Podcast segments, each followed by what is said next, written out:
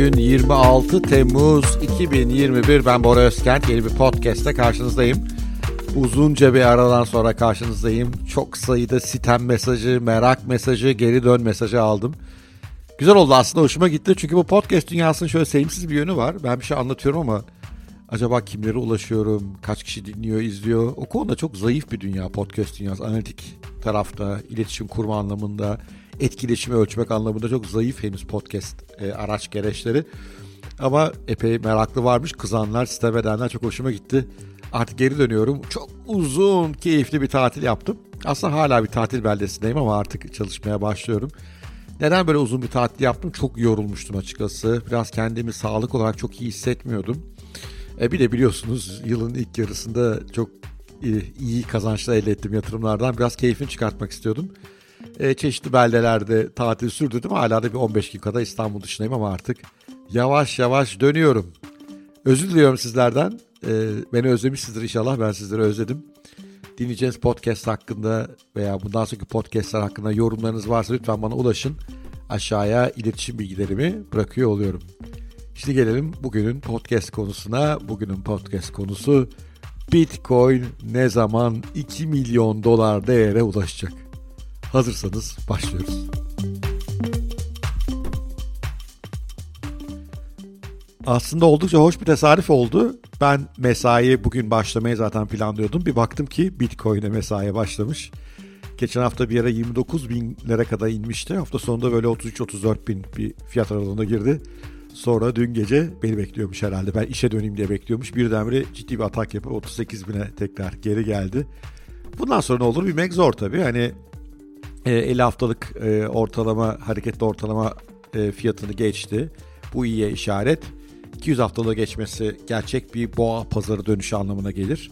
Ben gerçi Bitcoin'de boğa pazarında olduğunu düşünüyorum. Bu kısa vadeli düşüşler beni ilgilendirmiyor ama teknik analiz olarak baktığınızda şu 44 bin üstüne çıkıp bir süre orada kalmak önümüzde daha uzun bir boğa koşusu anlamına geliyor olabilir. Ama benim konu bu değil.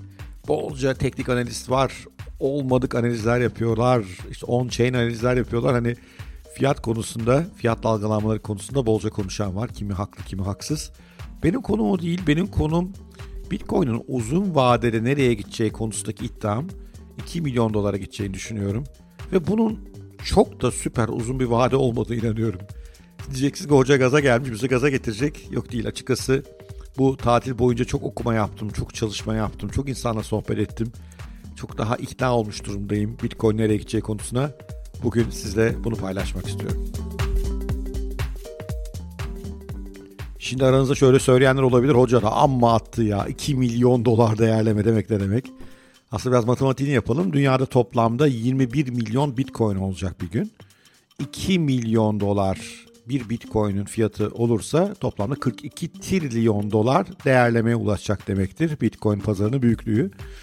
Şimdi şöyle söyleyeyim. Bu bitcoin'in bir bitcoin'in fiyatının 64 bin dolarla zirve yaptığı e, bahar aylarında bitcoin'in toplam değeri 1 trilyon dolardı.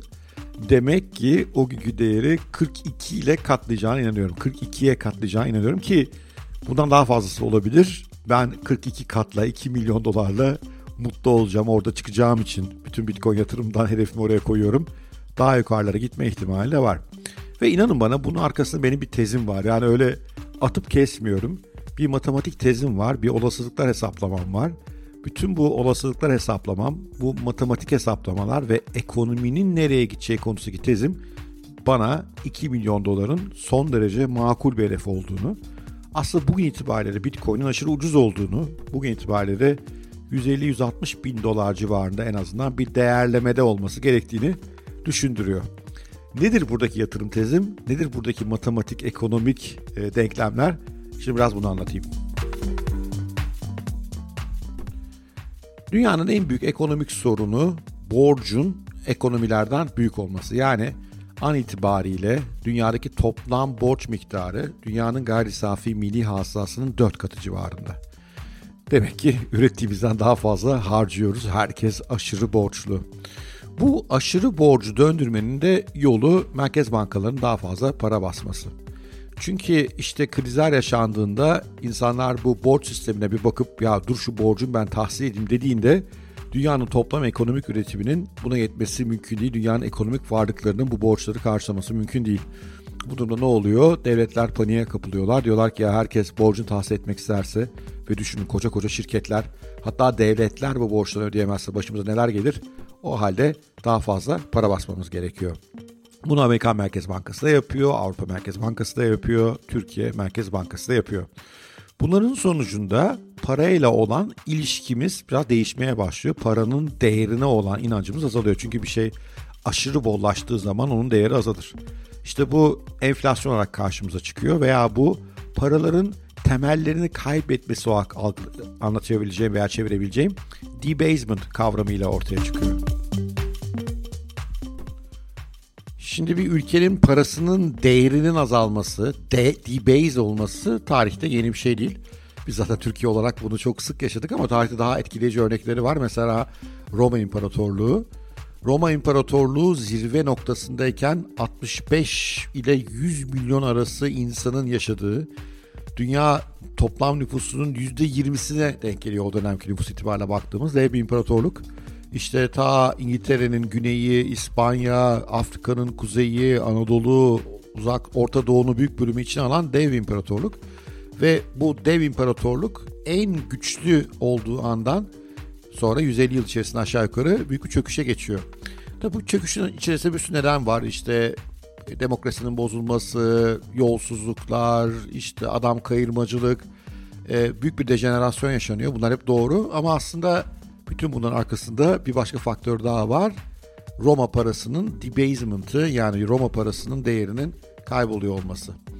Ee, şöyle baktığımızda bu paranın içerisinde o zamanlar paralar biliyorsunuz gümüş e, jetonlar veya gümüş paralar olarak geçiyorlar. O dönem e, en güçlü olduğu dönemde Roma İmparatorluğu'nda bir Roma parasının içerisindeki gümüş oranı %85'leri buluyor.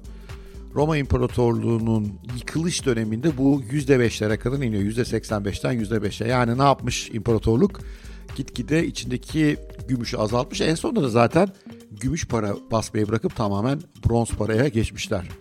Ve bu da büyük huzursuzlukla neden olmuş. Paranın değerinin azalması enflasyona neden olmuş. E, belli ürün e, gruplarında, belli ürün fiyatlarında bu Roma İmparatorluğu'nun gerileme dönemi olan milattan sonra 110 ile milattan sonra 100, 270 arasında yani 150 yıllık dönemde 100 kat civarı fiyat artışları olduğu biliniyor. Yani müthiş bir enflasyon olmuş. Tabii bunun yarattığı huzursuzluklar, mücadeleler, özgürlük savaşları ve sonunda koca imparatorluk dağılıp gitmiş.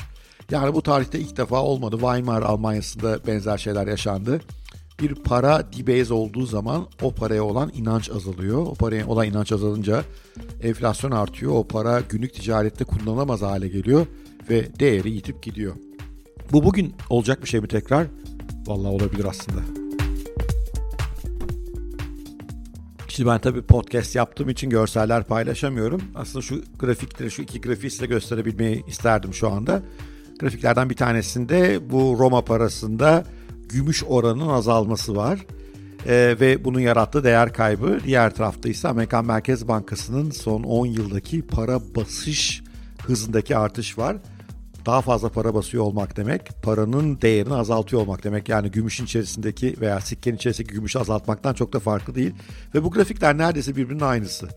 İşin enteresanı tabii bu ilk başta çok sorun yaratmıyor. Yani eminim Roma İmparatorluğu'nda da sikkenin içerisindeki gümüş %85'ten %80 azaldığında pek dert olmamış bu. Ama bu daha sonra devletlere eroin gibi bir alışkanlık yaratmaya başlıyor. Çünkü ne zaman ki ekonomik sorun var, işte Covid gibi bir e, ekonomi yavaşlatan konu var. Bu borç krizleri patlamasın, insanlar borçlarını ödeyemez hale gelmesinler diye. Çünkü ekonomik büyüklük normal dönemlerde bile borcu karşılamaya yeterli değil. Hele böyle Covid gibi ekonomik faaliyetin yavaşladığı dönemde hiç yetmeyemeye başlıyor. Öyle dönemlerde işte devletler para basıyorlar ve bu paralarla gidip bu şirketlerin batmaya yakın şirketlerin borç senetlerini alıyorlar. Devletin borç senetlerini alıyorlar ve devleti ayakta tutmaya çalışıyorlar. İşte bu fazla sisteme giren para e, bir süre sonra enflasyon yaratmaya başlıyor. Amerika'da enflasyon, yıllık resmi enflasyon %5 civarında. Bu Amerika'nın tarihi rekoru. Türkiye'deki rakamlara falan hiç girmeyelim. E, Amerika'daki rakam bu arada doğruyu da yansıtmıyor. Şu anlamda doğru yansıtmıyor. Yani istatistik gibi gerçek ama ölçtüğü şey çok doğru değil. Dünyadaki bütün enflasyon endeksleri gibi Amerikan enflasyon endeksi de tüketici fiyatlarını ölçüyor. Yani tüketicilerin düzenli satın aldığı ürünlerin fiyatlarını ölçü nedir? İşte e, giyim, değil mi? E, sağlık harcamaları, yeme içme tabii. Bütün bunları ölçüyor. E, böyle bakınca da enflasyon %5 civarında ama asıl büyük enflasyonun gerçekleştiği yer Amerika'da da varlık fiyatları. Varlık deyince hisse senedi fiyatları, gayrimenkul fiyatları, ikinci el otomobil onlarda da tıpkı bizdeki gibi ikinci el otomobil fiyatlarında acayip bir değer artışı var. Bu aşırı pahalanmanın, buralardaki aşırı değer artışının arkasındaki temel sebep işte bu paranın debasement'ı veya paranın değerinin azalıyor olması. Paranın değerinin azalacağını düşünen insanlar ne yapıyorlar? Gidiyorlar e, bu tip varlıklara yatırım yapıyorlar. Kendilerini enflasyona karşı koruma mücadelesindeler. Son dönemlerde Amerika'da özellikle gayrimenkul fiyatlarında anormal artışlar bundan kaynaklanıyor. Tabii bazı geçici fiyat artışları da var. Örneğin işte mikroçip e, azlığı yüzünden otomobil üretilemiyor. O yüzden ikinci elden arabaların değeri artıyor. Bu da bir gerçek ama bunlar konjektürel, bunlar geçici konular. Daha temel konulara baktığımızda ama aşırı para var ve bu para gidecek yer arıyor. Bu gideceği yerlerden bir tanesi varlık fiyatları, varlıklar, varlık satın alımları, finansal varlıkların satın alımları da onların fiyatlarını deli gibi şişiriyor. Şimdi işin kötüsü bu parası olanlar varlık satın alabiliyorlar. Aldıkları varlıkların değeri de hızla arttığı için gittikçe zenginleşiyorlar.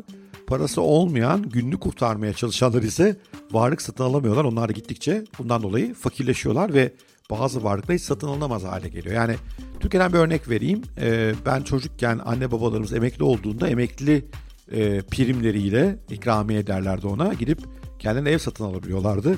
Şu anda bunu yapabilen emekli olduğunu düşünmüyorum. Bu Türkiye'de yaşanan, dünyada da bu farklı değil. Paranın debasement'ı sonuçta parayla yapılabilecek şeyleri zor hale getirmeye başlıyor ve o yüksek sermayesi olan insanlar bundan zenginleşirken çünkü onlar varlıklar alıyorlar. O varlıkların enflasyon değeri arttıkça daha da zenginleşiyorlar. Diğer insanlar o varlıkları hiç satın alamaz hale gelmeye başlıyor. Yani yaşanan temel döngü bu.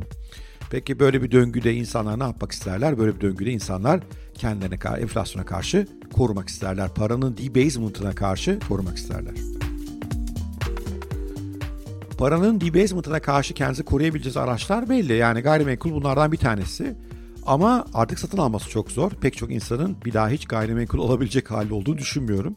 İşi o yüzden bir kenara bırakalım. Artık gayrimenkul aslında baktığınız zaman e, enflasyon olan mücadele genelde yenilen bir ürün. Bakmayın öyle insanlar evlerin fiyatları çok arttığını düşünüyor ama onu bir işte Amerikan dolarına çevirip Amerikan dolarındaki enflasyonu hesaba kattığınızda değeri gerçekten artan gayrimenkul pek azdır. Artı günü geldiğinde satması zor, alması zor, transaksiyonları zor bir iş. Yani e, rezerv olarak bazı güçlü yönleri olmakla beraber yeterli değil. Başka ne var? Altın var tabii.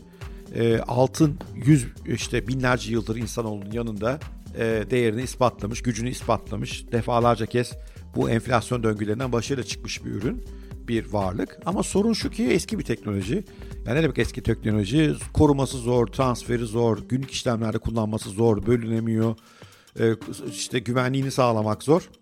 Bu nedenle altın evet çok büyük servet sahipleri için geçerli bir koruma aracı olabilir enflasyona karşı.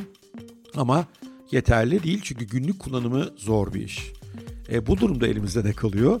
İki opsiyonumuz kalıyor. Bir yüksek şirketler, yüksek teknoloji şirketlerin hisseleri bir de Bitcoin başta olmak üzere kripto paralar.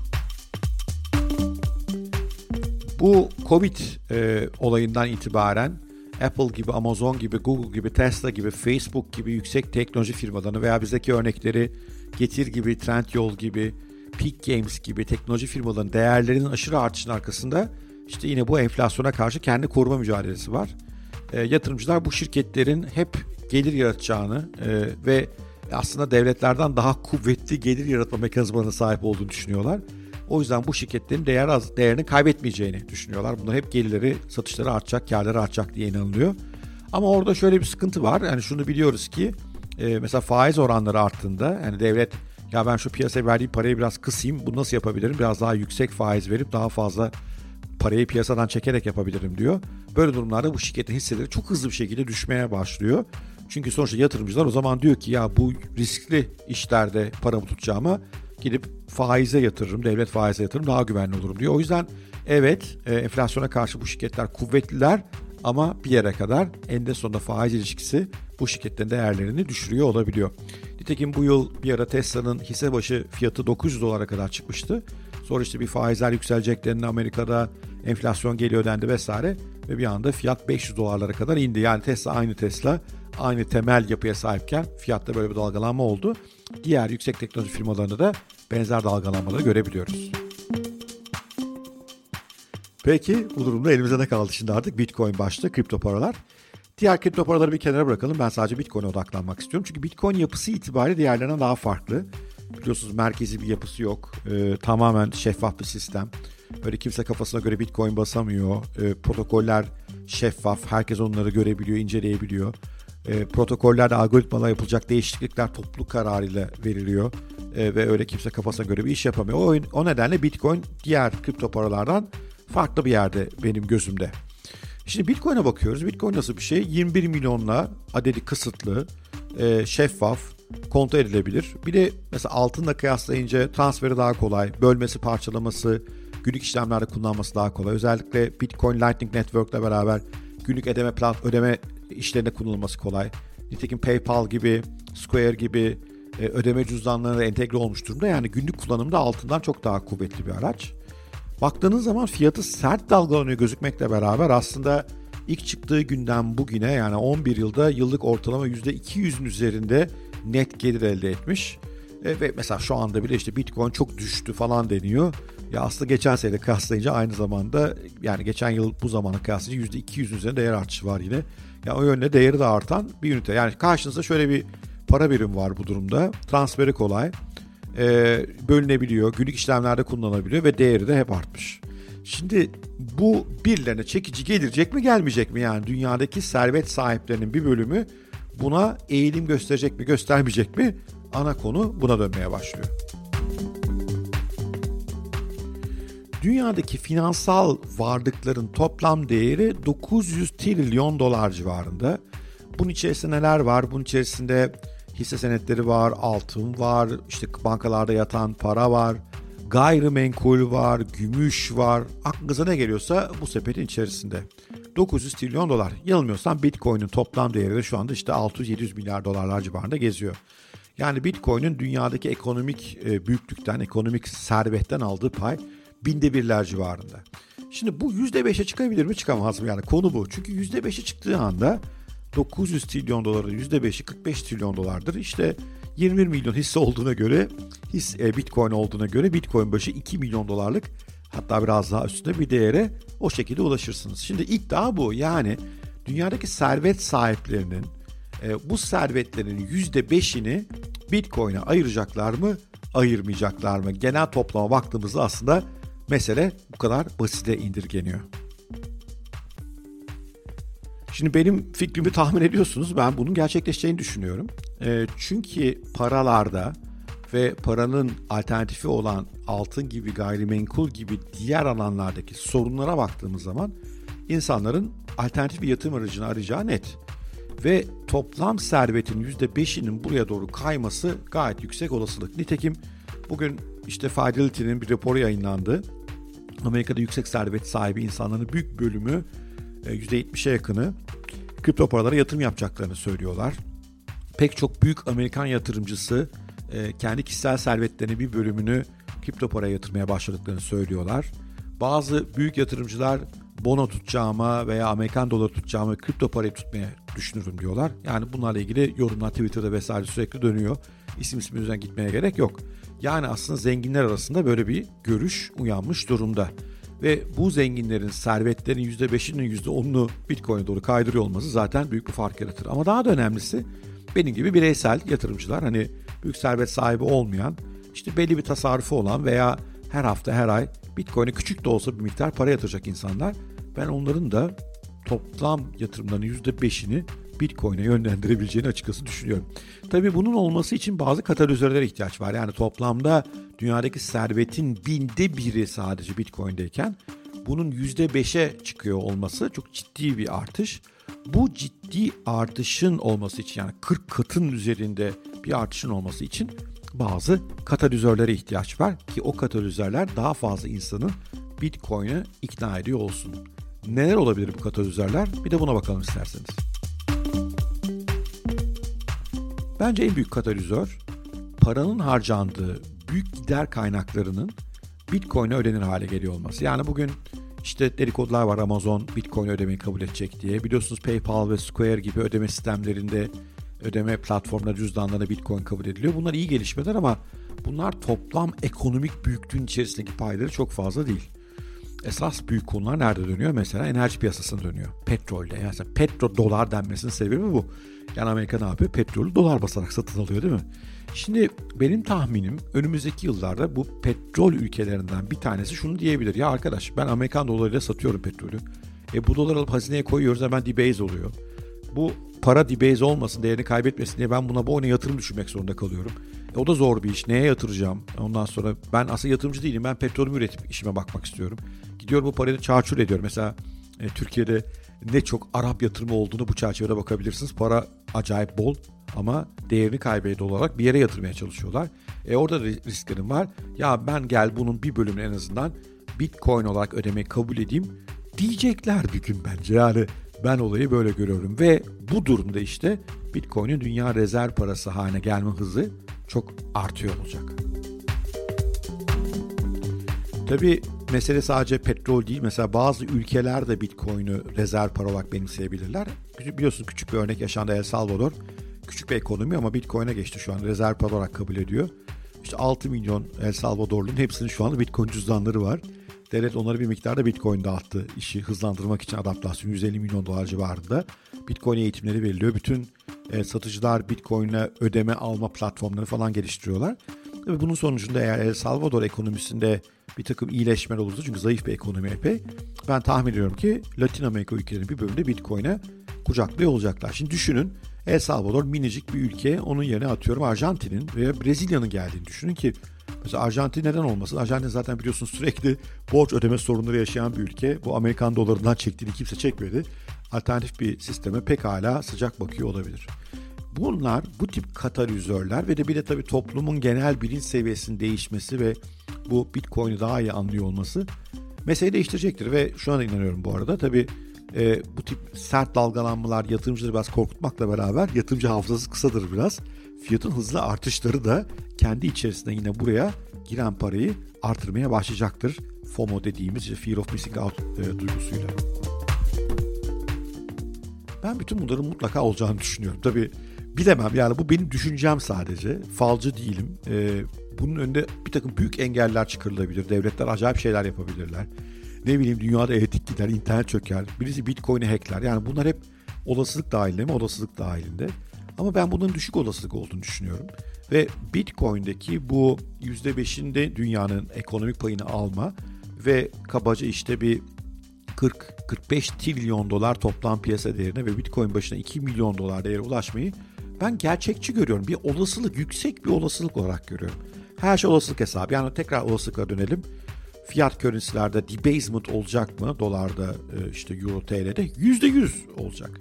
Bu debasement karşısında insanlar alternatif enflasyona karşı korumalı alanlara yatırımlarını yönlendirecekler mi? %100 yönlendirecekler. Bunların bir kısmı altına mı gidecek? Elbette. Büyük bir kısmı gayrimenkule mi gidecek? Elbette. Peki bir kısmı Bitcoin'e gelir mi? Çok büyük ihtimalle.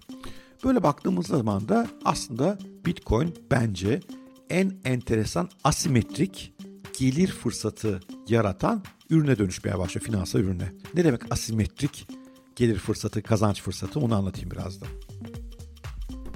Şu anda ben podcast yaparken bir Bitcoin'in fiyatı 38 bin dolarlar civarında. İşte geçen hafta 29 bin civarındaydı biliyorsunuz. Yani bir Bitcoin alırsanız, biliyorsunuz tam bir Bitcoin almanıza gerek yok ama hesap kolay olsun diye söyleyeyim. Tam bir Bitcoin alırsanız eğer o sıfırlanırsa bir gün ne bileyim Amerikan hükümeti yasaklandı, Bitcoin hacklendi, dünyada internet yok oldu vesaire bir sebeple sıfırlanırsa 38 bin dolar kaybedersiniz. Üzücü bir kayıp mı? Elbette. Ama eğer bu kayıp sizi öldürmeyecek bir kayıpsa belki de göze alınabilir bir kayıp. Kaldı ki 38 bin yine 3800 dolarlık da alabilirsiniz. 380 dolarlık da alabilirsiniz. Bu size kalmış. Yani sizi yıkmayacak, sıfırlandığı zaman bile sizi yıkmayacak bir rakamsa o kadar üzülmezsiniz. Ama eğer benim teorim doğru çıkarsa ve bu 2 milyon dolara doğru giderse upside'da yani yukarı doğru gidişte işte o zaman önümüzde müthiş bir fırsat var demektir. Şimdi düşünün aşağı doğru inerken 38 bin dolara doğru kaybediyorsunuz. Yukarı doğru giderken 2 milyon dolar eksi 38 dolar kadar kazanma ihtimaliniz var. Ya bu olasılık göze alınır mı? Ben göze alınır diyorum. Çünkü bunun matematiğini yaptığınızda yani bu iki olasılığı çarptınız işte %50-50 diyelim. Yani sıfırda gitme %50, 2 milyon dolara gitme ihtimali %50 diyelim. O zaman ortamala değer herhalde bugünkü itibariyle 700-800 bin dolar civarında çıkardı. 2 milyon dolara gitme ihtimali %10, e, sıfıra gitme ihtimali %90 olsun matematiğini yapın. O zaman da yine bugünkünden daha yüksek bir değer ortaya çıkıyor. Yani bence Bitcoin'i kaybetme olasılığı oldukça düşük. Tabii bu anlattıklarım Bitcoin sıfırlanmaz anlamına gelmiyor. Tekrar söylüyorum sıfırlanabilir veya değeri bugünküne göre radikal olarak düşebilir. Ama bir olasılık hesabı yaptığınızda ve dünya ekonomisi incelediğinizde bu olasılık hesabında 2 milyon dolara gitme %5, %10 ihtimal varsa portföyünüzün de bir bölümünü buna ayırt etmeye, ayırmamak açıkçası bana çok akıllıca gelmiyor. Ben olaya bu kadar basit bakıyorum. Ben, tabii ben Bitcoin'in 2 milyon dolar üzerine gideceğine inancım fazla olduğu için benim portföyümdeki payı %5'in onun epey üstünde. Ama buna inanmıyorsanız bile ihtimal dahilinde de görüyorsanız küçük bir payı buna ayırmak gayet akıllıca olabilir. Şimdi diyeceksiniz hocam bu riskli ama ya risk diyorsun da her konuda risk alıyoruz arkadaş yani. Hani portföyümün %5 ile %10 ile risk almayacaksam da hayatta neyle risk alacağım? Gidiliyor onun yerine abuk sabuk gayrimenkul alıyor. Çünkü hepiniz aslında enflasyonla mücadele duygusundasınız. Kiminiz işte kazandığı parayı çabuk tüketiyor yani ben buna yatırım yapsam ne olur diyor. E, o yüzden gidip olmadık şeylere harcamaya çalışıyor. Kiminiz ise gidip yanlış yanlış işte apartman daireleri alıyorsunuz. Kendinizi kandırıyorsunuz sonra bunun değeri artıyor diyor. Aslında pek bir şey olduğu yok temelde. O yüzden alternatifler arasında mutlaka katmak gerekiyor diye düşünüyorum. Evet, bugünkü podcast'in sonuna geldik. Özlemişim. Sizlere o yüzden uzunca bir podcast oldu ama önemli bir konuyu anlattığımı düşünüyorum. Ve e, bu 2 milyon dolara ulaşacak sadece benim affedersiniz işkembe kübradan uydurduğum bir meselem değil. Kendime göre hesap kitabımı yatırım tezlerimi size anlatmaya çalıştım. Elbette bunlar yanlış çıkabilir. Ne yapalım yanlış çıkarsa biraz para kaybederiz. Doğru çıkarsa ama şimdiye kadar genelde doğru çıktı yatırım tezlerim. O zaman da bambaşka bir yere doğru gideriz.